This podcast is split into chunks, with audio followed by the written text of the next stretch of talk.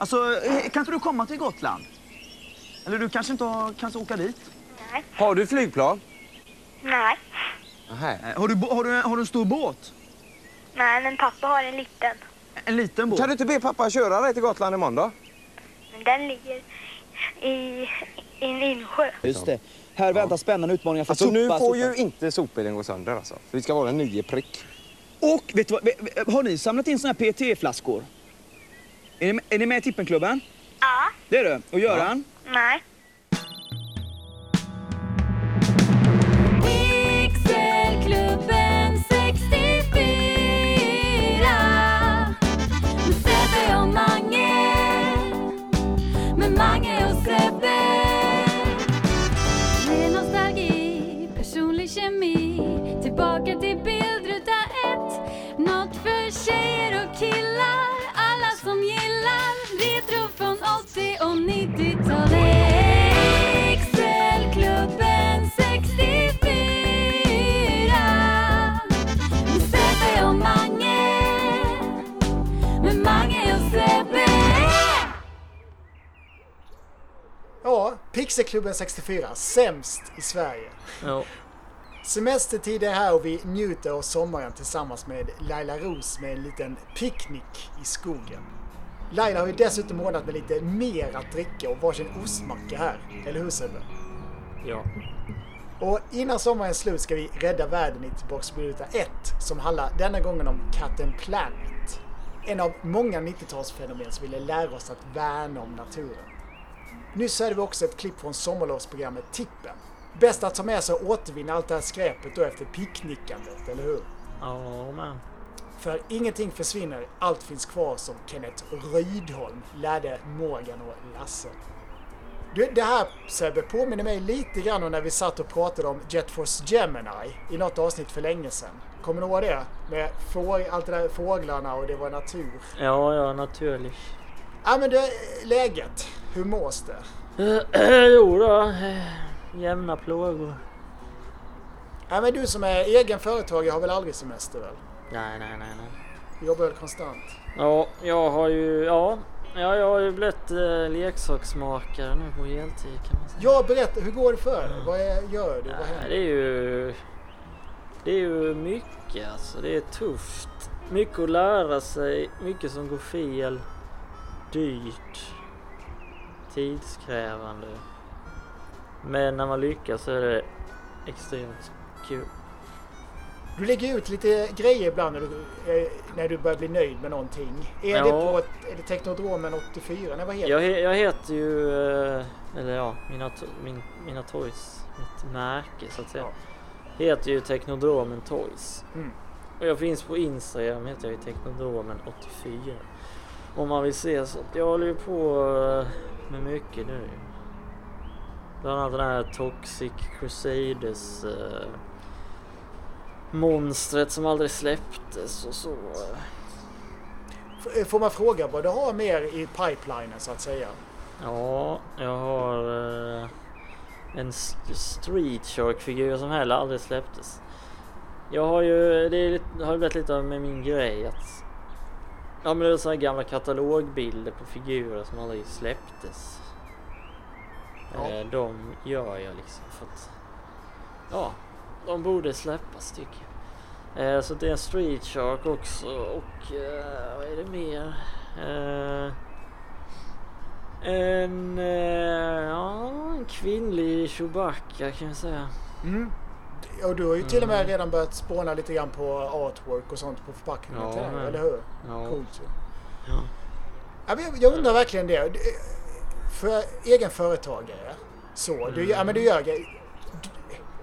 Har, eller vad ska jag fråga, har du liksom så här, nej jag jobbar bara med att köpa sälj och tillverka saker de här tiderna på dygnet? Eller är när du får inspiration? Eller hur fan gör du? Det är när jag eh, är fri från barn som jag får göra grejer då. Ja, okej. Och då blir det, men då blir det ändå relativt så här regelbundet samma tider på dagen. Ja det blir ju någon timme eller några timmar om dagen så. Det är gött. Ja, så att jag... Ja, så här, jag ska gjuta något visst antal och måla och sälja och så. ju. Malin, Ja, vet du vad rövkrok är för något? nej. Så! Kan du Det fråga? stod ju på kortet att vi ska vara... Inga lyssnarbrev denna gången då, för brevlådan är ju hemma. Men vi har ju ett dokument som vi glodde lite i förra avsnittet, när vi åkade tåg. Ja, Ska vi kolla lite i det retrodokumentet se om vi hittar något random där att snacka om? ja men. För det är något kul. Du, jag vill direkt säga att du bläddrar till eh, sidan 4 i det där. Jaha. Corps. Ja, ja Action Force, senare kallad G.I. Joe, klart att de är retro. Men just för mig i alla fall. Jag hade ju de här The Corps av företaget Lanard. Jag tror fan jag hade över en tredjedel av hela den linjen. Mm. Och det är ju såna här en rip-off på Action Force. Och de finns ju i flera olika färgupplagor. Det brukar ju vara som är bootlegs och så ju. Men just den här linjen med gula cards är ju de som är mest retro för mig. De som alltså såldes på till exempel Hemköp i Halmstad. Här har vi Gas. Jag hade ju alltid egna namn på alla de här. Gasman tror jag kallar han för. Jag minns, ja, de hade inga namn alltså. Fast mina hade röda vapen. Ja, jo, de hade det, men jag hade egna namn på dem. På Ja. baksidan kunde man se det. Då kostade det 21 kronor minns jag på Hemköp Öster där i Halmstad. Ja, det var billigt. Nej, jag hade ju inte en enda kan jag säga. Fan, inte någon! Jag är ingen Corps, jag hade en annan sån där M-Force eller något hette den. Som hade såna pratande ryggsäckar. Det var också en sån G.I. Joe rip-off. Han har jättetråkig brandman, så här blond. Ser ut som typ Paula som gick i vår klass pappa eller något. Så här Jättetråkig. Ja, jag vet. De, de som hade så här konstiga ben. Det var liksom en mellanrum mellan kuken, man kan säga så, och själva benen. Ja, de hade inga såna här gummiband utan det var... Nej. Ja, den var jättetråkig men ja. Det var väl det som fanns just den gången jag. I butiken. Eh, Första bilden förresten i dokumentet. Ja, Eh, Flinta-läsk. minns inte. Nej, det var det jag ville fråga dig för att det är precis som att jag vill... Oj, att jag vill minnas att de såldes i Sverige. Jag minns flinta glass och flinta choklad. De här små men inte läsk. Men Flintaglassen är ju lustigt att det fanns så jävla många olika smaker. Ja, Nästan så att alla familjemedlemmar hade sin egen ju. jag gillade ju Vilmas mest. Vad är det? Nougat? Den med Ja, men typ som nöt, nötbitar eller något sånt där. Sådär pyttesmå nötbitar. Men Den fick ju dras in sen för det var någon ånge som hade blivit allergisk och dött eller något. Vadå en nötallergiker? Ja, då kanske man inte ska köpa den glassen tänker jag. Alltså det är ju hemskt att eh, någon ska behöva fara så illa men ska man verkligen... Är det rätt sätt att göra det verkligen? Ska man bestraffa alla då? Ja, men det är ju så. Man får inte ha det för kul. Liksom. Och du är sidan 10. Något som känns äkta Sebbe-grej. Och jag kan känna lukten när jag ser den här grejen också. Vänta, jag. Äkta alltså. Äkta Sebbe-grej. Jag känner Ja, det här är äkta. Förklara vad det är för någonting. Coco Dino. Det är ett... Eh, det var ju ett sånt plastägg med slime i och en eh, liten enfärgad dinosaur. Som i, mer ser ut som monster. Alltså det var väl inga riktiga dinosaurier var det verkligen det? De två man ser här är ju typ en triceratops och typ en... Och så ser det lite mer monster ut. Ja, precis. Lite mer bad eggs kan man säga. Ja, faktiskt. Ja, det är väldigt bad eggs. Framförallt den röda där. De här minns jag som fan. Jag köpte några stycken sådana. Det är ju såklart italienskt som allt annat sånt med slime och såna här ägg man öppnar och monster och grejer. Var köpte man de här egentligen? Krokodil? Eh, jag tror jag köpte min på typ Leka eller något. Men vad är, vad är det jag känner lukten? Är det, var det slime? Eller vad är det jag... Ja, ja slimet måste det väl vara eller? Ja, Eller picken kanske. eller den ja. Ja. Eh, ja, jag har faktiskt kvar några sådana. Faktiskt exakt den till höger. Får man köpa? Köpa eller? Får man... Vad då vill du köpa? Ja, köpa. Jag har faktiskt några stycken sådana andra också som jag hittat på senare tid. Som du kanske kan få köpa. Det gör jag jättegärna det. Ja. Så, eh, Ja, det gör inte är det. så lätt eftersom Tippengklubbsgrejerna är slut. Finns ju bara på vissa postkontor. Ja, just det. Och Ja. inte så många där heller Nej, kanske. precis. Nej, precis. Det är Jag ber om ursäkt om jag är lite arg mot dig då, Göran. Förlåt. Är det okej eller? Förlåt. Ja. Okej. Jo.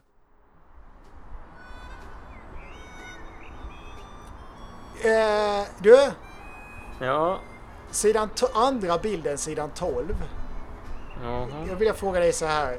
Sebbe, retro eller ångest? Eh, mycket retro faktiskt. Ja, jag trodde jag skulle säga ångest. Vad är det du ser? Nej, för det var ju i lågstadiet. Det var ju då skolan var rolig och nytt och kul och man var duktig och oförstörd. Ja men visst var det så, alla ämnen var roliga? Ja, Ja. Det är ju äppel peppel böckerna. Päron kråka minns jag inte. Nej den var nog för svår, det är ju senaste Ja. där. Ja. Ja just det, så var det ju. Det började på äppel och så gick man över till peppel och allt vad det var. Eh, ja, det kändes ju lite magiskt. Alltså det var ju verkligen stort för när man så här, Jag får liksom byta till en svårare bok Mm. och sånt. Eller hur? Jag är klar.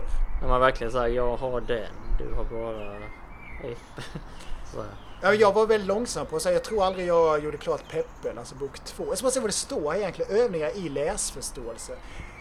Men en sak jag minns från lågstadiet, det var att det kändes väldigt eh, bekräftande och skönt när fröken hade rätt att hon klippte nere i nedersta hörnet. Ja just det, det Ja. För då vet man, aha, där är jag nu. Då vet man hur långt man hade kommit. Så jag kände så här, uff. Ibland så hade de lämnat här Jävlar. sida i mitten där man inte hade rättat, inte var klart. Jag kände så här, fan också, måste bli komplett. Mm, ja. Ja det var tidigt det. Äppel, peppel. Kommer du ihåg också att hon hade oss när vi pratade om konsonanter och vokaler. Vi hade ju två pennor. Vi hade en vanlig blyertspenna. Och så hade vi en röd penna. Som var blyerts också, fast med röd färg. Ja just det, det hade vi. Ja, och alla vokal, varje gång, alltså varje gång vi skrev, varenda vokal skulle vi skriva med röd bokstav bara för att lära oss skillnaden mellan Ja. konsonant. Det är ju, jag tycker det är väldigt bra sätt. För jag Ja. kommer fortfarande ihåg alla vokalers berinnande vatten, verkligen. Jag minns knappt vad som är vad längre. Nej, skitsamma. Tyvärr. Vad sa du var retro i dokumentet? Eh, de här jävla napparna, de här plastnapparna man skulle ha runt halsen. Typ så här äkta 91. Ja, Konstig grej att man samlade på. Det var ju mest en tjejgrej väl? jag konstigt att så många killar hade dem. Jag minns att jag hade, jag hade någon liten sån här glow in the dark och någon stor grön sån här genomskinlig. Eh, ja, Du, jag fick faktiskt några sådana av de snyggare tjejer i klassen som jag har kvar. Ja, men. jaså? Jag brukar hitta såna på loppis ibland men jag köper inte dem för att jag, jag vet inte. Jo, köp till mig. kan vi alltid byta. Jag vill ha. Om du Jaha. hittar någon sån. Får man väl diska i diskmaskinen typ fem varv innan man... Ja, kanske någon som har haft en sån buttplug. Men vad var Man hade något ut som ett... Eller vissa tjejer i alla fall. Och man samlade på dem. Men så hade de som Ja. var halsband också va. Men sög de på det eller vad var Man grejen? sög gott. Nej jag vet inte, det var väl bara någon Det är ju väldigt fina färger i alla fall. Gimmick liksom. Ja, gimmick. Jag tror jag vet ett ställe som har sådana, eller de hade det sist jag var där. Kan kolla där. Eh, vad har vi mer för skit? Och den är ju ångest. Fan hittade du den bilden? Kraftmätare. Sån hemsk Ja. som fanns på eh, Östra stranden i arkadhallen. Mm. Så man skulle testa sin styrka. Det var ju sån, jag gick aldrig nära den ens för att man visste bara att det blev åtlöje liksom. Det var lite grann som sådär om arkadhallen inte hade råd med en sån här stor slägga där man skulle slå åt den och upp. Mm. Bam, bam, bam, bam, bam. Kunde man köpa in en sån här man skulle pressa ihop. Men det som är retro för mig det är de här bilderna där man Ja, zoomar eller hur? in. Jag minns speciellt en suput där. Super, ja, tredje svagaste.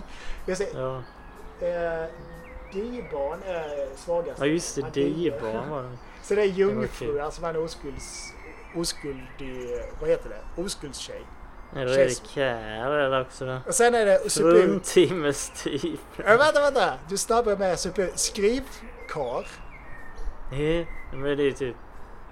Ja. Jag ut som en Eller sån här typ. Nej, jag är nog D-barn. då. Och sen är man upp... Slagskämp. Så uppe på Halmstad och sen fruntimmes typ. Jag kollade den bilden där. ja. Det är en redig karl. Muskulös, storbyssad tjej. Skogshuggare. Ja, nej. Usch, den där var ångest. Men det var så när man var med klassen som bara "Åh, ska jag göra det här? Kolla stöket! Så visste man bara om jag gör det här så kommer jag bli söndermobbad typ. Minns Nej. verkligen ingenting att vi gjorde det någonsin tillsammans. Nej. Slagskämpe Nej. där. Vad är om man kan pressa 100 kilo? Ja, Världsmästare? du är världsmästare. 100 kilo. Du har väl gjort? Ja, Vadå 100 kilo? Man kan vad- pressa 100 kilo med handen? Eller vadå? Då kan man inte typ pressa ihop en bil eller? Jo men vadå? Att man kan... Känns det som. Eller vadå? Jaha, Ja. om man kan pressa ihop det är lika mycket styrka som att man kan lyfta 100 kilo? Eller vadå? Jag vet inte. Ja, Jag ja. att det var en hemsk grej. Du, innan tillbaks på Luta 1. Ja, Jag tänkte vi ska improvisera ihop en reklamsnutt för våra t-shirts. jaha. Då börjar jag så här.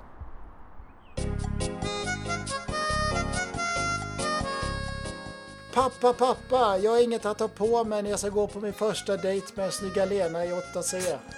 Men det går ju inte. Du måste ju ha fina kläder. Vad ska jag ha? Allting är kast och för litet för att jag ätit så mycket chips.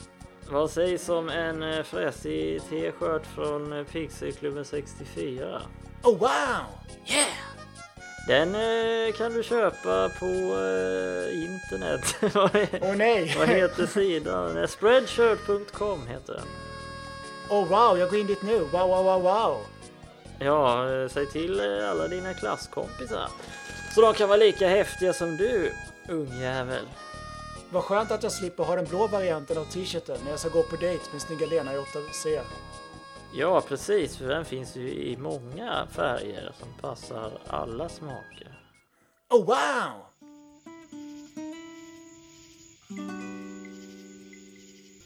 Sommaren är ju kort. Och det gäller att ta vara på dagarna då solen skiner och vattnet är varmt. Ett tips är att du tar med dig din Game Boy Color till hängmattan eller stranden och fångar Pokémon. Glöm bara inte att använda ordentligt med sololja. För som du vet så försvinner ju tiden väldigt snabbt i den sagolika Pokémon-världen. Därför är det risk för en rejäl solsveda om du inte passar dig. Och batterierna du ska ha i din Game Boy Color är Varta Alkaline. De är nämligen bäst i test enligt Club Nintendos juninummer 2000. Med en batteritid på nästan 24,5 timme ger ett fyrpack ett pris på låga 47 öre per timme. I samma nummer kan vi även läsa att en Mikael Ivarsson i Helsingborg slår ett rekord på banan Cradle i Goldeneye Agent Mode. 1.02. Och Sebastian Holmberg i Löddeköping tog sig i mål på F-Zero X Mule City 2 på 1.23. Grattis till, eh, grattis till dem! Du kanske kan klå någon av tiderna någon regnig sommar då? Ja, varför inte damma av din gamla N64-maskin då? Jo, för det är ju så. Sommaren är ju inte bara sol och värme. Du får räkna med regn och dåligt väder också. Under sådana dagar känns det bra att kunna stanna inomhus och spela Perfect Dark tillsammans med kompisarna. Att spela fyra samtidigt har nog aldrig varit roligare. Och spelets i stort sett obegränsade valmöjligheter gör att du kommer minnas även sommarens regniga dagar på ett bra sätt. Nej men du, vad säger du? Ska vi gå hemåt kanske? Ja, men Vi kan ju, eh, arbetsdagen slut? Vi kan ju gå ner i retrokällaren igen och se om vi hittar något att byta kanske. Ja. Och så kör vi tillbaks Biluta 1 därefter då. Ja, men Ska vi se om vi hittar i vår källare denna gång. Jag, jag har gjort om lite i vår retrokällare förresten. alltså Ja, spännande.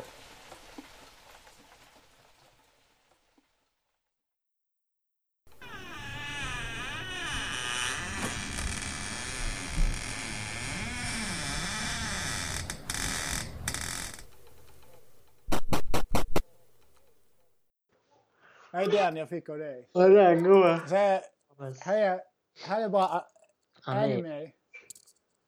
Eh, Anime here. here. Jag Mhm. får prata engelska. Anime, anime here.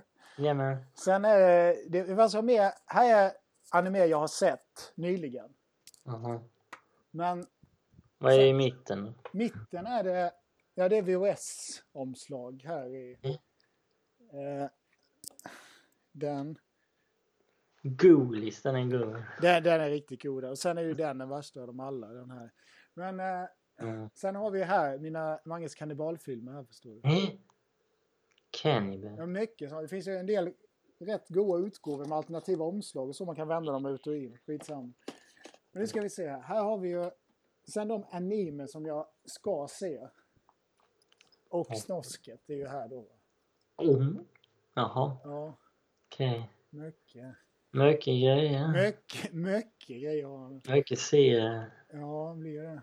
Ja, här är det mina gamla serier. Och inga Turtles du ska sälja. Turtles, vad har jag då? Den ligger ju här, här inne va? Vi ska se. Uff, här är mycket grejer. Här är min låda med så här halvkompletta. Så jag väntar på att komplettera. Det är hur mycket som helst. Det är säkert 50 Eh, Turtles-gubbar. är det olika. Ja men du ser, de är flesta... är det aldrig några andra figurer i de där lotterna? Är de på Ebay? Ja. Nej, faktiskt inte. Det brukar vara rätt. Det är ju precis som att det är de som samlade på dem i USA på 90-talet känner verkligen till att bara det här är Turtles typ. Just det, måste visa den. Ja. En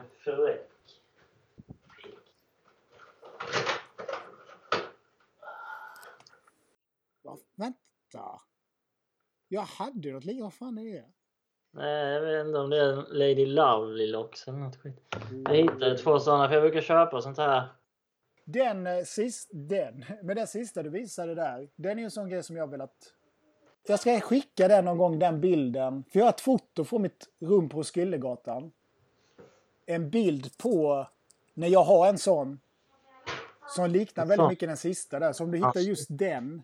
En sån äcklig. Ja, fast min var större tror jag. Ja, det finns större. Jag har sett det på Loopis. Ja. Jag tror att jag vet vad de heter faktiskt. Va- ja, vad tror du att de heter då? Eh, jag minns inte nu, men jag såg det i den leksaksgruppen för bara några dagar sedan. Zombier. Ah, jag vet inte ens om du minns det här, men i somras letade jag som fan efter de här. Jo, du visade, ja. Du visade online ja. Eller kavaj. Frank, Ja. vad, he, vad Jag heter hittade en slump på Ebay. Alltså någon uh, Little Horrors. Tysk liksom. Så att de släppte de här i Europa. Mm. Eh, Fast kvar då. Sen är de ju typ dubbelt så stora mot vad jag trodde att de var. Jag trodde de var så här jättesmå, du vet. Mm. Men de är ju stora. Eh, så då slapp jag hitta de där jätterär japanska som var omöjliga att köpa. Ja, Så. Och sen den också. Då. Drakarna. Det är lustigt att se Franken så här helt eh, hudfärgad. Ja, Månskung. Så det är exakt samma, man bara, man bara satt den på Mox. Jag funderar på att öppna, för de är inte där jätte... Det verkar bara finnas de två. Och det är liksom helt sån grå baksida som vanligt. Mm. Så har bara köpt in dem och så satt de i Mox. så. Verkligen aldrig sett. Det är fan lätt att öppna den mocken. Lätt att betala kanske. Ja, Jag öppnar den. Öppnar du mocken? Oj. Ja, men den var jättelätt att öppna. Den var helt gulnad bubbla. Plus att jag... Supertoys. Eh... Vad coolare. Åh! en åker. Är den så. Kvick, kvick, kvick, kvick. Eh... Wee, Så långsamt. Mm. vänta.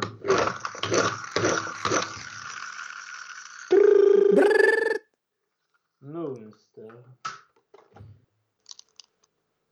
Nej, en sån. Kan vi köpa? Nybyggarna.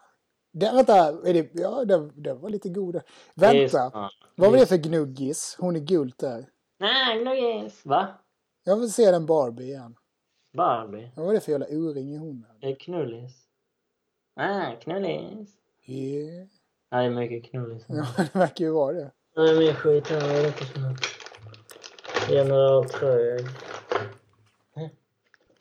Ah, Mycket skit här förstår du. Där uppe, hallå. Det här är gott. Den. Nej, det är väl bara sån skit. Ja, det är en klassiker den. Den gillar är man ju. cool faktiskt. Ja. Den är riktigt rejäl. Man kan dra av den där, precis. Aldrig att den skulle säljas idag. Nej. Ja, jag håller på med min gobbe här. Ja, det gör det. Så få hem skiten snart så jag kan... Eh. Den är mer äcklig. Nej, det är en riktig Miss Gammal Piggy. Det är Loopis. den, ja. Vad, vad heter han? Vad är det för svin? Är det Sesame Street? Ja, det är Sesame Street. Men vad fan heter han egentligen? Jag brukar köpa såna där PVC vet, jag hittar på loppis. Man kan alltid sälja dem för lite. Är sån Mitch. Lavabanan. Ja. Skulle inte jag få den av dig bara för att jag skulle flytta? Va? Ja, när jag skulle flytta till, från klotet till furet, skulle inte jag få den då? Då? Lavabanan. Jaha, nej du skulle få i, i spindeln. ja. Spindlebanan. Men du flyttade aldrig så du fick inte. Jo, just det. Så var det. Jag flyttade, jag bytte skola. Så var det. Det, det har jag tänkt på ibland. Mitt liv hade ju varit helt annorlunda. Om jag hade valt att byta i trean från nian till Furulund. Ja, antagligen. För jag tror inte vi hade hållit kontakten så. Nej, Vet, hur skulle vi hålla kontakten annars? Och då han, den, köpte jag. Den har ingen arm. Men jag köpte den för 10 spänn bara för att eh, jag ska ha den till min katt Mandu. För det är ju Playmates. Ja. Och perfekta ben. Och så till Katmandu. Det är det ja. Ja. Vänt, vad heter han nu? Den? Junkyard. Junkyard. Det Toxic. är cool faktiskt.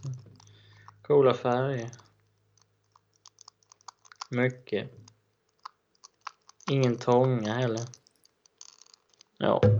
Jaha.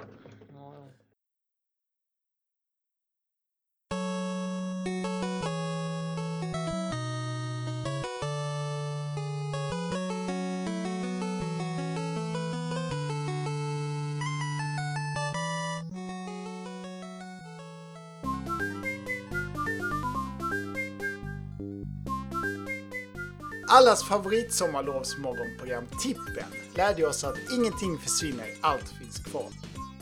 Och efter vår lilla picknick här har det nu blivit dags för oss att rädda skog och mark. Vi har ju nämnt många gånger gång att i det tidiga 90-talet så var ju det här med klimatfrågan verkligen på tapeten i populärkulturen. Vi har pratat om både Widget som visades på TV3 och såklart Toxic Crusaders med vars existens bekämpades i en sorts väderkvarnstrid av klass 5C på Wallåsskolan i Halmstad. Hör mer om det i vårt avsnitt 57. Mycket intressant. Sedan dess så har en drös Captain Planet-fans hört av sig och bett oss prata om denna miljöns förkämpe. Så denna tillägnas till er. Och i denna julvärme får vi slå på något riktigt chill i bakgrunden tror jag. Mm. Precis som några av de allra slappaste tonerna från Final Fantasy 10. Här blir nog bra det. Ja, ska vi sätta igång LP här också? Ja, ja, ja, ja.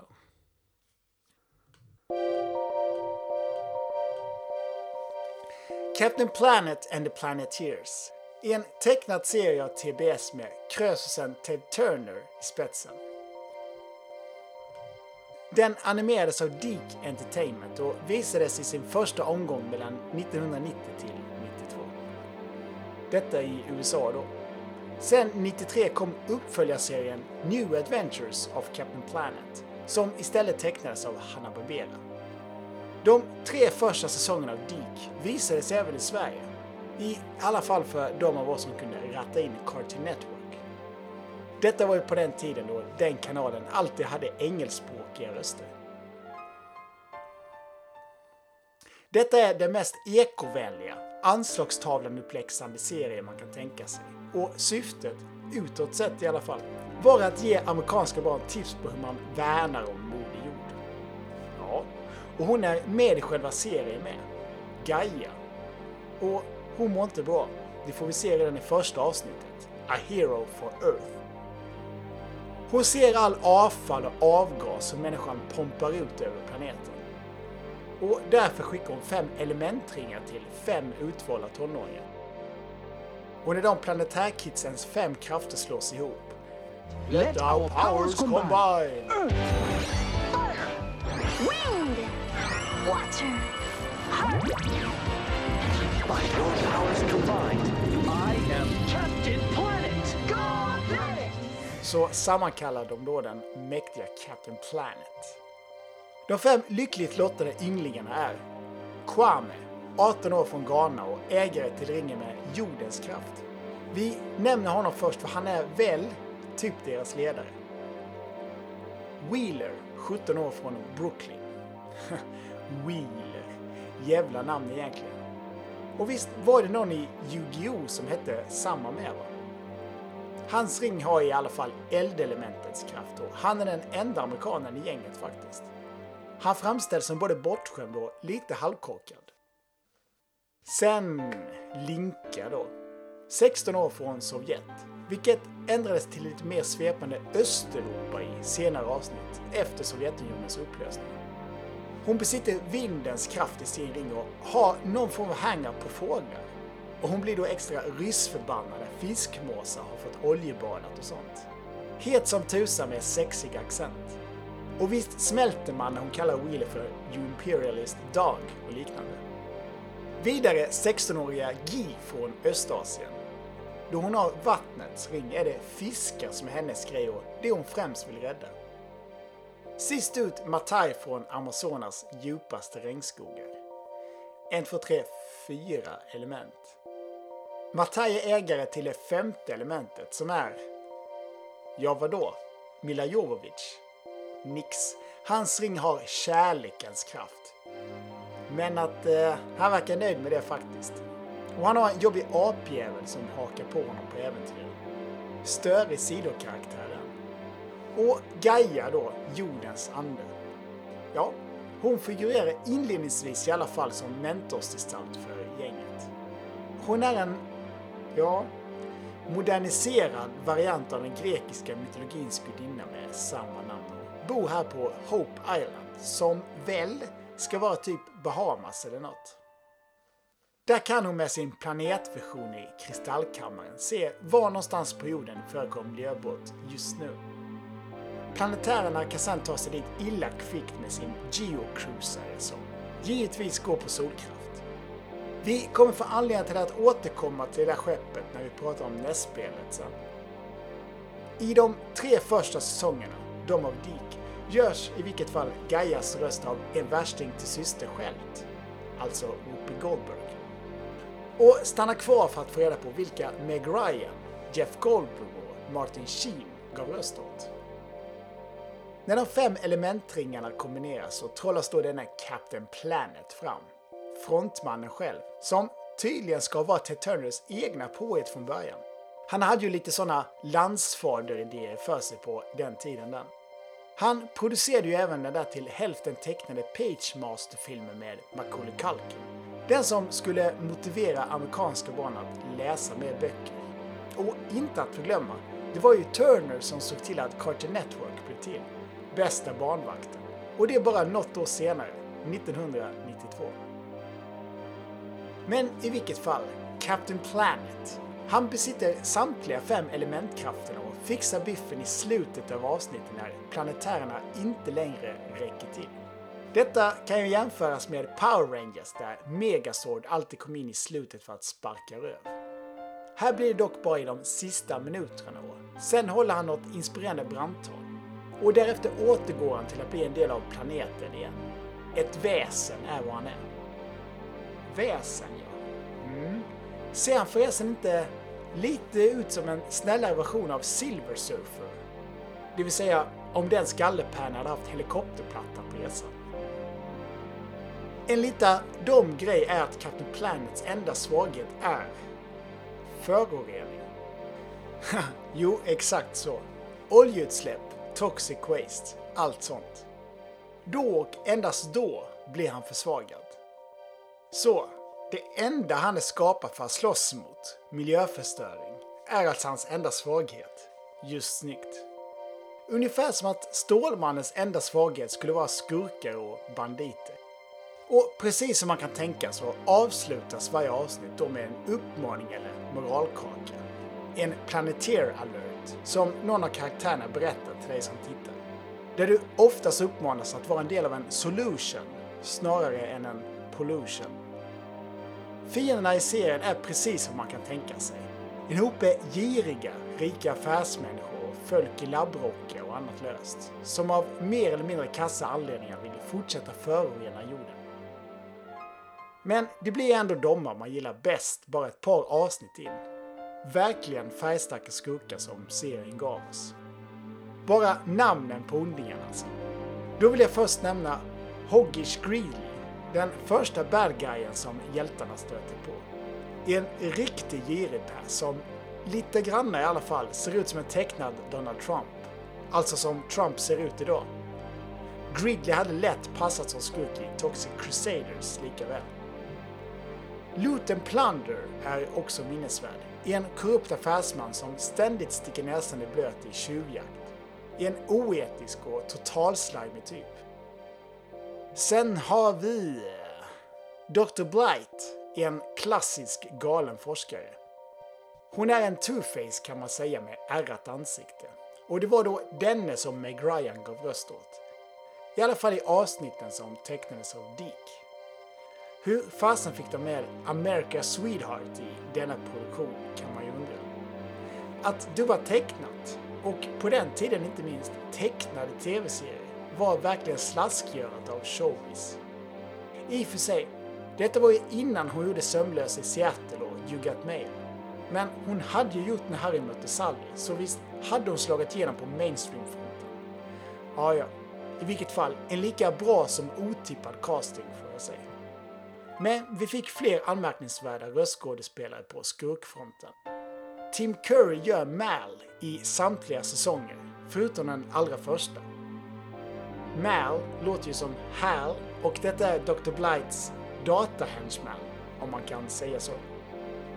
Det är i vilket fall han som kontrollerar allt i Dr. Blights laboratorium och fordonen och allt sånt där. Och sen är det väl nästan ännu mer anmärkningsvärt att Ted Turner pungade ut Dolares för att Martin Sheen skulle göra Cy Sludge, den onda grismannen. Sly är en sunkig sophämtare även den hade passat som fågeln i skogen som en del av Toxic Crusaders-universat med. Icke att förglömma där, Slice henchman Ooze. Ooze ja. Vad hade han hetat på svenska?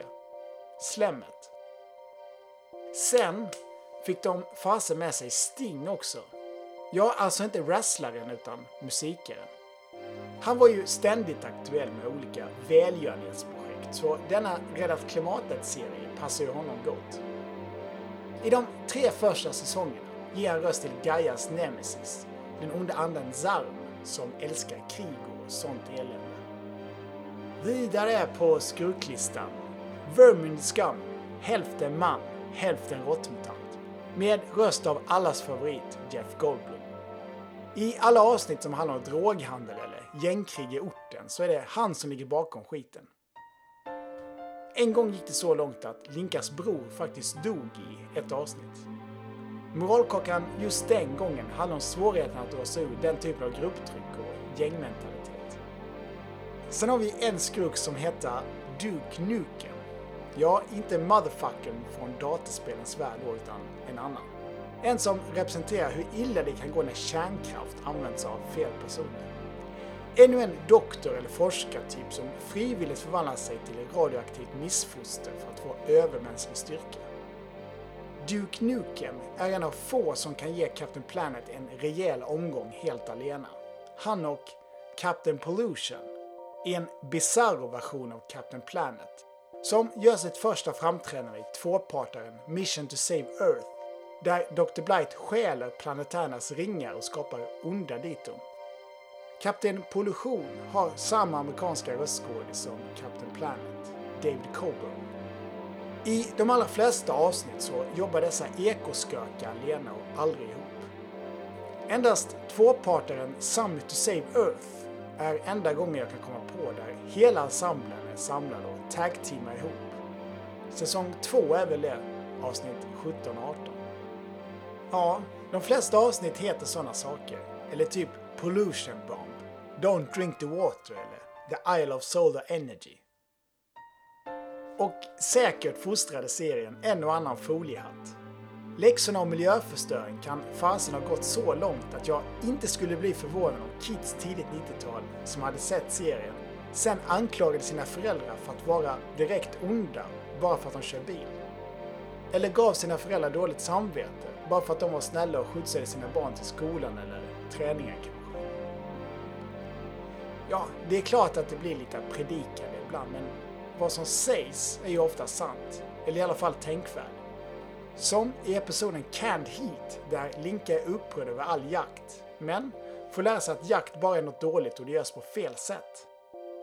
Det är väl det avsnittet med tjuvjägarna och gorillahandeln som säljs som askfat, vill jag minnas. Det har ju faktiskt funnits andra sådana här tv-serier i USA som varit minst lika in your face med sina budskap. Som gamla Magic School Bus, eller lite senare Liberty's Kids och Cyber Chase. Alla tecknade serier där subtexten kom före ett bra handling. Ett avsnitt från sjätte säsongen jag aldrig glömmer är den där planetärerna åkte tillbaka i tiden och inte dödade Hitler. Vad heter det nu? Jo, A good bomb is hard to find. För det var även här de försökte stoppa Dr. Blight från att sälja konceptet med kärnvapen till nazisterna. Överpopulation tas upp mer än en gång också. 1990, då serien alltså debuten, fanns det för övrigt ganska exakt 5 miljarder människor på jorden. Hur råder bot på överpopulation då? Jo, lite jäkligt är det ändå. För det hintas om att föräldrar över hela jorden endast borde skaffa max två barn. Lite väl diktaturfasoner där kan tyckas. Vilka är TBS och Ted Turner att rekommendera något sånt egentligen? Och tänk alla kids som såg serien, som visste mycket väl att de var det tredje och yngsta syskonet. Sånt där lär ju påverka ett barns psyke mycket mer än lite simpelt övervåld kan ju tyckas. Ett annat äventyr som också var ganska sjukt var det med historien om råttmänniskor som bor på en tropisk ö. Serien är lite crazy sådär, som vår gäst Anders Hägg Jönsson även sa att James Bond Jr var när han var här och pratade om den. Ja visst fasen är dessa två serier ganska lika. Samma halvslappa ambitioner på tecknandet och utseendet på karaktärerna gör att de lätt hade kunnat höra hemma i varandras äventyr. Trots att serierna tecknades av två olika bolag. Och ta en titt på Captain Planet igen. Är inte han James Bond Jr? Fast med silversurfarens silverhud istället. Och lite mer med looken av ett klassiskt Pervo. Och såklart måste vi nämna det elfte avsnittet i tredje säsongen. A Formula for Hate. Hur fasen ska jag någonsin kunna glömma det med gymnasiekillen som testat positivt för, ja, du vet. HIV. Det är Vermin Scum, alltså Jeff Goldblum, som är i farten med en fruktansvärd plan. Vi tar och klipper in den här. Once we let people know the kid has AIDS, we can panic the whole town. See, when people panic, they don't think. If they don't think, they stay stupid about AIDS and it can spread. And once it spreads far enough, we Take over the earth. Visst önskar man ändå att serien hade funnits svenskdubbad? It's all over. Not the way I hear it. Coach, I've got AIDS. Wrong. You're HIV positive. Big difference. They probably won't even let me play in the big game. Wrong again, Andrews. You're gonna be playing in that game, and anybody who says otherwise will have to deal with me. Men i vilket fall. Detta avsnitt av detta barnprogram lär oss allt det där man behöver veta. Tidiga symptom för hiv och att man endast kan få viruset via sprutor, oskyddat sex och blodtransplantation. Bra initiativ av studien klapp på axeln till dem. Det fanns ju en tid, bara några år innan, då folk fortfarande trodde att man kunde få hiv genom toalock och annat. Men den jäkla skam. Han spridde falska rykten och lögner om grabben och viruset och skolkompisar och personal ville i det närmsta lyncha pojkstackaren. Men in kommer han, Captain Planet. I think these people need a little education about the HIV virus. May I have your attention, please? He's the same kid who played his heart out for you right here on this court last week. Deal with the real people. Get the facts. The power is yours. We're the Planeteers. You can be one too. Cause saving our planet is the thing to do. Looting and polluting is not the way. Hear what Captain Planet has to say. The power is yours. Jajamän. Det jag spelade lite av där var förresten den catchiga slutlåten. Som faktiskt är bättre än introsången om du frågar mig. Det ending-temat behölls faktiskt till New Adventures of Captain Planet som alltså började visas 1993. Trots att den alltså tecknades av Hanna-Barbera istället. Denna uppföljarserie visades under TBS söndagsmorgnar ihop med SWAT Cats och Two Stupid Dogs. Men de allra sista 13 avsnitten visades anmärkningsvärt först i Europa och premiärade inte i USA förrän Earth Day 2006 på TV-kanalen Boomerang. Många fans gillar New Adventures med då den bättre utforskar karaktärerna och har överlag en mer mogen ton. Dock byttes flera av kändisrösterna ut här, men inte Tim Curry som hängde kvar som Man hela vägen fram till det sista avsnittet i maj månad 1996. Ja, på tal om låtar, vad sägs om en musikpaus? Vi kan ta och spela något somrigt här innan vi pratar lite grann om nästspelet också. Förra avsnittets musikpaus blev hatad av många lyssnare. Därför måste vi bara fortsätta på samma bana denna gång. Eller dansbana då kanske. Ikväll alltså ännu en hitlåt från klubbscenen. Förra sommaren spelade vi en bit av Praying Mantis som handlar om att längta tillbaka till ungdomens mer bekymmersfria dagar. I en låttext som ringer in själva kärnan i vår podcast.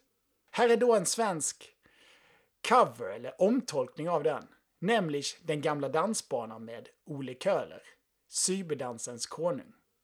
Lyss till textraden i verserna. Den där gamla dansbanan som Ole sjunger om kan mycket väl representera huset du växte upp i eller någon gammal He-Man-figur du har kvar. I alla fall, mycket nöje.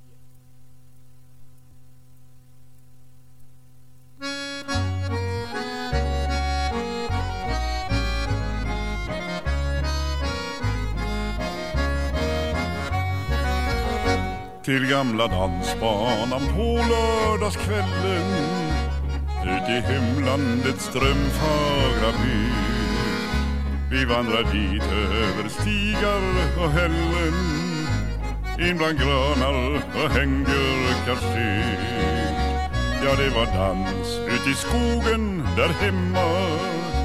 Ut i sommarnatt underbart ljus I minnet hörer jag spelmännens stämma. Och skogens strömmande nynnande sus och glammet och skratten i högsommarnatten bland pojkar och flickor det växlas och språkas och älskande par där så kärligen råkas ja, det var i ungdomens lyckliga dag. Det höres årtag och sång ifrån båtar som glida sakta på silverblank sjö. Det sjunges visor till handklaveslåtar Det är ungdom från sommar och hö. Musiken hörs över skogar och vatten. Om hjärtat blir man så drömfylld och vek Och toner ljuda i högsommarnatten. Och lockar sinnet till kärlek och smek. Ja, vi var då unga med kraft kunde sjunga och visorna vackra och många och långa. Och när ifrån sjön vi till dansbanan gånga ja, det var i ungdomens lyckliga dag. Och dragspelshjalmar och Per med sin fela det stämma upp med en kläm så det hör och med foten slå takt när det spelar Par om par nu på dansbanan rör Hit kommer pojkar och flickor i flockar Här samlas ungdom ifrån hela byn. Ty melodien ger genljud och lockar till lördagsdansen i granskogens bryn. Kjolarna svängde och blusliven trängde och huvudchaletten den gled ner på nacken. Pojkarna tjoa och stampa med klacken. Ja, det var i ungdomens lyckliga dag.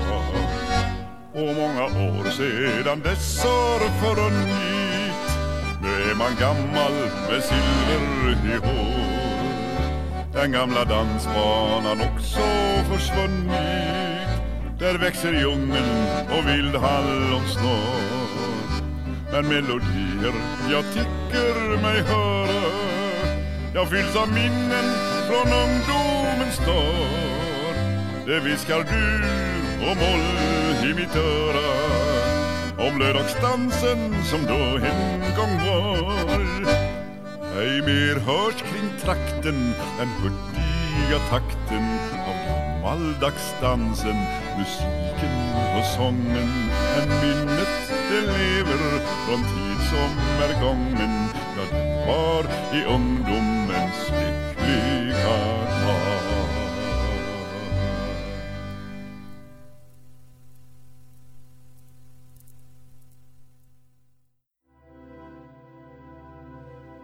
Ingen svenskdubbad version av tv-serien, men oväntat nog kom nästspelet hit till Sverige.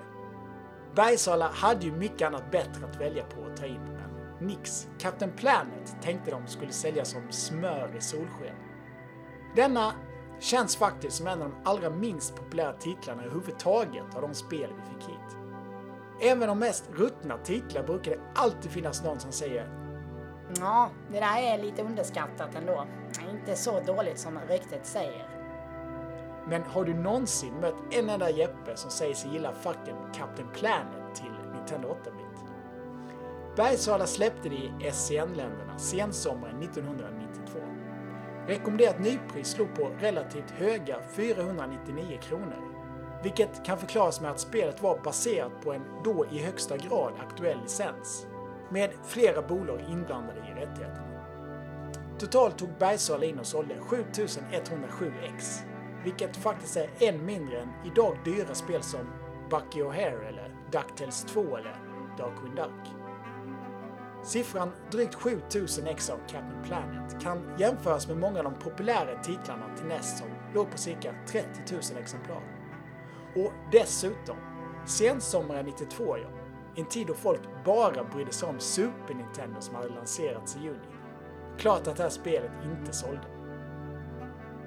Vad har vi då på denna stymmelse? Jo, som utvecklare stod amerikanska Mindscape som mest gav ut skit snarare än gjorde dem. Bland annat då nästtappningen av Paperboy och det där Gods till SNES om du spelat det. Som medutvecklare står det en pyttestudio vid namn Grey Matter Inc. Och detta är deras enda spel till Nintendo 8-bitars. Här i Pixelstudion har vi lyckats lägga vantarna på Japans hyrfodral av detta Captain Planet and the Planeteers. Fy fan. Undrar just vilka stackare som hyrt just detta ex. Som lockades av att omslaget nästan såg ut som en tecknad film eller något. Liksom, jaha, då var den helgen förstörd. Vi tar och läser det som faktiskt står på svenska här på baksidan. Oljeutsläpp, luftföroreningar, utrotningshotade djur. I Captain Planet and the Planeteers gäller det att rädda jorden från den totala miljökatastrofen. Du möter de största miljöbovarna hittills. Loten Plunder, Duke Nukem, Dr. Blight och många andra. Krafterna jord, eld, vind, vatten och omsorg istället för kärlek står det här. Omsorg alltså, står på din sida. Förena dem och bli Captain Planet. E Ekokoptern står redan och väntar på dig. För en spelare har lösenord. Och i pyttebokstäver, i en liten, liten gul ruta, typ storlek 2 eller någonting, står något som kallas för miljötips. Och de är två styckna. Eh, utnyttja dagsljuset. Det är gratis och förorena inte. Är förorena verkligen rätt ord här kan jag undra. Och det andra tipset är då, rita på båda sidorna av pappret när du tecknar. Fint. Och själva spelet då? Jo, det är ganska annorlunda upplägg får man säga. Varje bana består liksom av två delar. Först en självskrollande shooter och sen en lite mer plattformsaktig där du styr Captain Planet. Total fem världar, om man kan säga så. Det är två nationalparker, Atlanten, det lite väl svepande Afrika samt Antarktis. På shooterbanorna flyger då bland annat planetärernas Thunderbirds-liknande jetplan. Vad hette den? Planetmobilen? Ja, just det. Geocruisen. På senare världar får man även styra deras helikopter på en annan köra ubåt faktiskt. Men det är inte säkert att du ens kommer komma så långt, då detta är ett sånt där sketasvårt bajsspel. En ynka träff, sen störtar man mot döden i havet. En träff ja, och det inkluderar alla ytor, väggar och vatten. Allt är döden. Lycka till då spelet verkar älska att mata dig med extremt trånga ytor. En klassisk en rörelse, ett misstag, helt enkelt. Fem continues är allt som ges. Och även om man får börja nästan exakt där man dog, så lägg till alla oberäkneliga mönster och svår träffyta på fienderna. Om dina skott är någon annanstans än rakt på mitten, så åker skotten bara förbi fienderna. Svinkassa vapen verkligen. Ja, spelet borde faktiskt nämnas oftare när man talar om svåra shooterspel. Ofta hör man ju bara om Ikari Warriors eller Silver Surfer. Antagligen bara för att Angry Video Game Nerd inte gjort ett avsnitt om Captain Planet ännu. Se i alla fall till att du hittar blixten efter att ha plöjt en våg av fiender. Detta vapen gör ekoskeppet snabbare och är mer eller mindre avgörande för att komma förbi i alla fall en, en viss passage på första banan. Men alla de dyrbara uppgraderingar som du faktiskt lyckas ta är ändå borta med vinden efter att bara dött en enda gång. Skitspel.nu Oftast var en spelsession knappt, ja, 20 sekunder långt. Det fick mig att känna lite grann som när jag och Sebbe satt och spelade Transformers Convoy Nonasu för massa år sedan nu. Samma skärmar man såg om och om igen.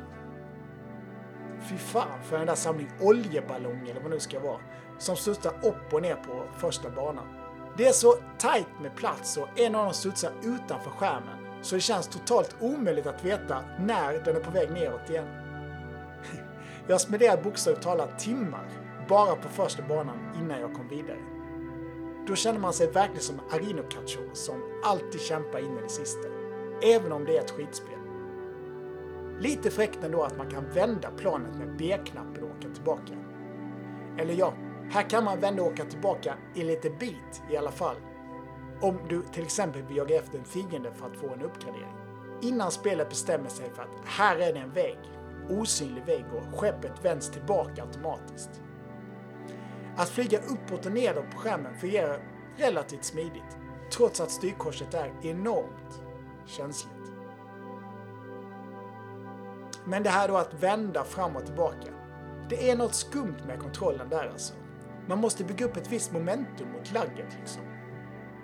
Alla vapen man kan få är för övrigt baserade på kraftringarna med de olika elementen. Men oftast är det eldens kraft man använder. Den skjuter rakt fram och har bra räckvidd. Ibland satte jag även igång vind som agerar sköld. Stenarna, jordens element, kan man släppa för att pricka fiendemål rakt nedanför en. De har ganska god fysik ändå får jag säga och man blir glad varje gång man får in en fullträff. Hjärtat, alltså omsorg som det står på baksidan, gör verkligen noll, precis som i tv-serien. Eller är det bara jag som inte begriper den riktigt? Eller jo, en gång skulle man lyfta elefanten med den som man skulle rädda. Är det allt det vapnet gör? Men just det fick jag läsa mig till innan jag provade själv. Spelet i sig berättar väldigt lite om målet på varje bana. Än svårare var att man skulle begripa att man skulle släppa de där förbannade elefanterna på ett visst ställe och ha dem trampa sönder fiendebasen. Sen där också att man i slutet av flygarbanan måste landa på ett visst ställe också för att ens klara banan. Landar du på fel ställe, ja, då dör du instant döden då man som sagt inte får vidröra några väggar eller någon mark. Grattis, gör om, gör rätt. Och tro fasen att man kan få slut på ammo också. Har du ens hört talas om något liknande i shooterspel? Få slut på ammo. Och är mätaren ner på noll så gäller detta för samtliga dina elementvapen. Otroligt ändå. Så, att bara peppra planlöst på A-knappen för att röja väg funkar alltså inte här. Oftast märkte jag är bäst strategi att bestämma sig blixtsnabbt för att hålla sig högt uppe på skärmen eller lågt ner för att plöja fiendeskepp som bara kommer just där. Fina förresten, ja, de består mest av ganska generiskt tråkiga skepp. Och första banan var kryddad med minibossar som ser ut som en mix av, ja, en oljeplattform och en ATST från Star Wars skulle man kunna säga. Mm. Jag tror att om du har spelat det här spelet så skulle du nog hålla med mig om att det var en ganska klockren beskrivning. Sen en annan sak. Du kan inte pausa spelet för att byta vapen. Det måste du göra medan du flyger. Alltså medan spelet är igång.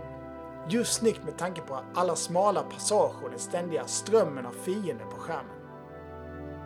Men om du vill pausa spelet för att smälta hur kast Captain Planet, eller CP som man kan förkorta det, så är även pausandet en ren omöjlighet. Startknappen pausar inte, där byter man vapen. Vilket Select-knappen väl borde göra.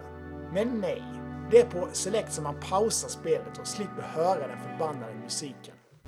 Här är lite av låten från bana 1-1 och 1-2.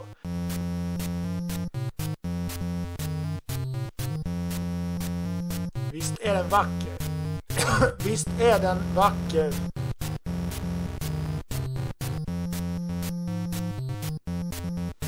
Nej, fy fan.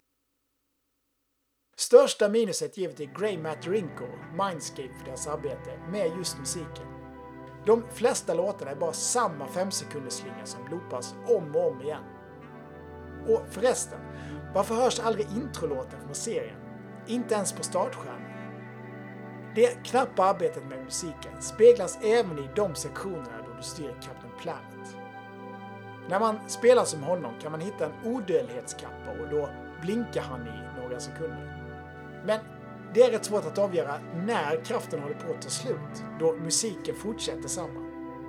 Jämför detta då du tar stjärnan i Super Mario Bros. eller andra spel med liknande power-ups. Hur ska man veta när den är på väg att ta slut om inte musiken ändras? I detta andra spelläge, part 2 av varje bana, axlar då rollen som kaptenen själv. Och här glider man då runt på lite större, labyrintliknande banor. Du kan flyga lite hur du vill upp och ner och fram och tillbaka.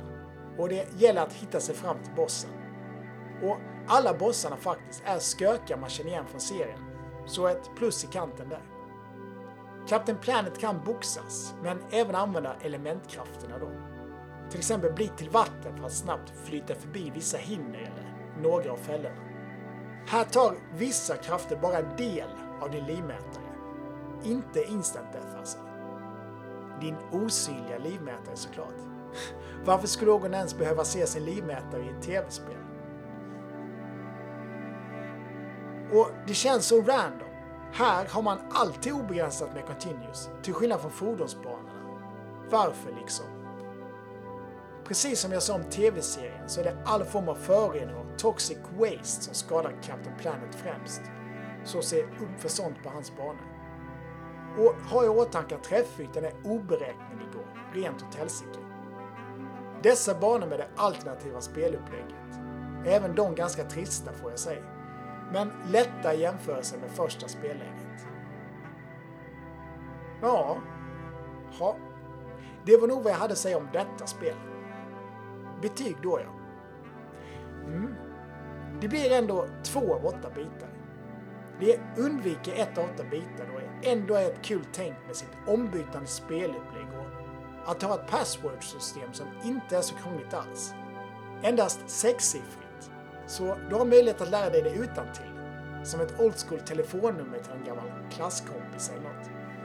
Men såklart ska det finnas något kast även här med password-systemet. För fyller du i fel kod så börjar du automatiskt på första banan och måste alltså gå fram och resetta konsolen för att göra ett nytt försök. Så det går bara inte att ge Captain Planet mer än två av åtta bitar. Det är högt nog. Undvik. Och spela istället kanske Russian Attack ihop med en kompis som alltså firar 30 år i Sverige denna sommar. Det finns faktiskt ett Mega Drive-spel med Captain Planet. Ett helt separat spel som visst bara släpptes här i Europa och i Australien.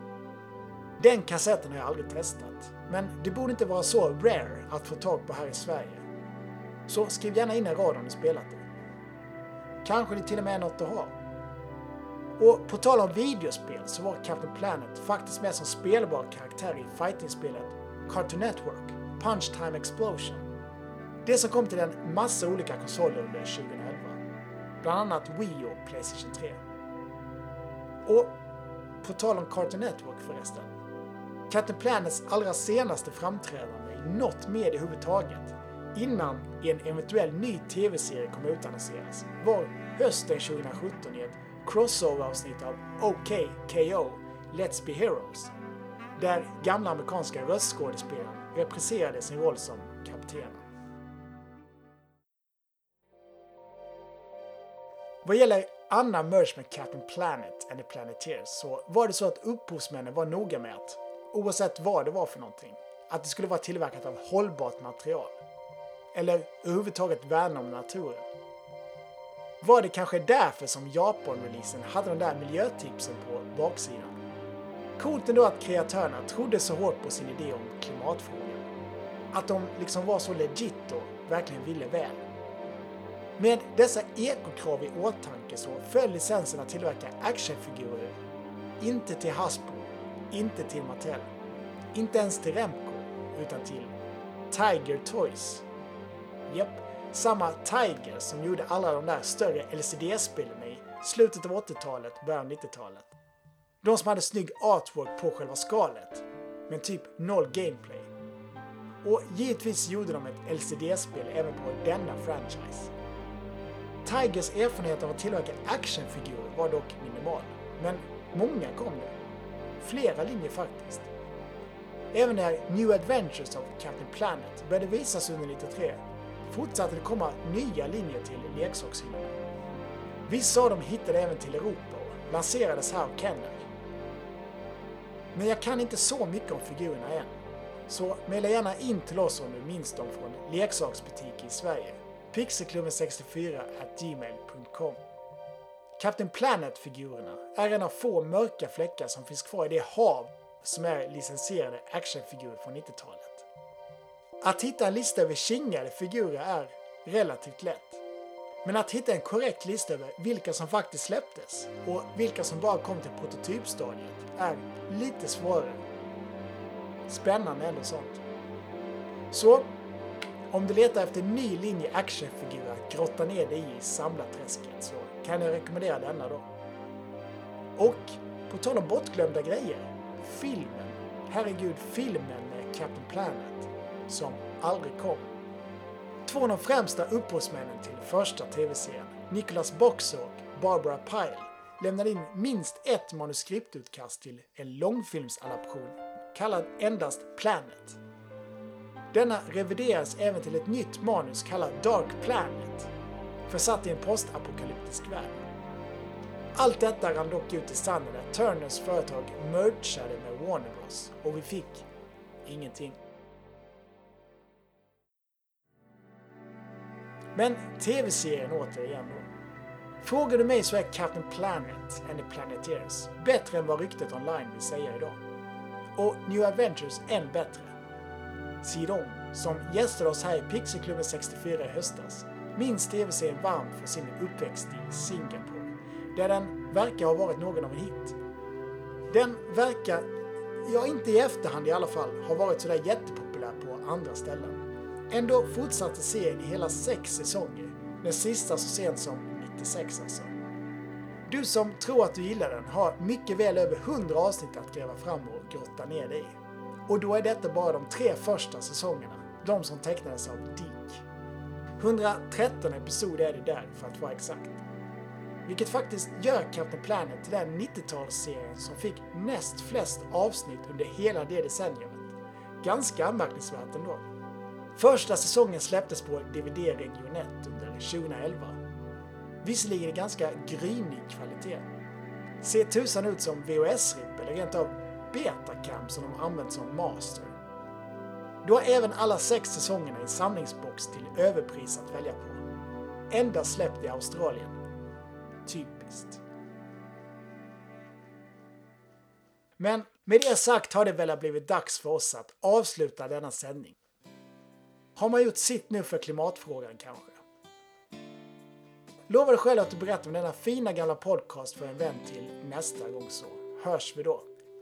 Ingenting försvinner, allt finns kvar tack som fan för att du har lyssnat.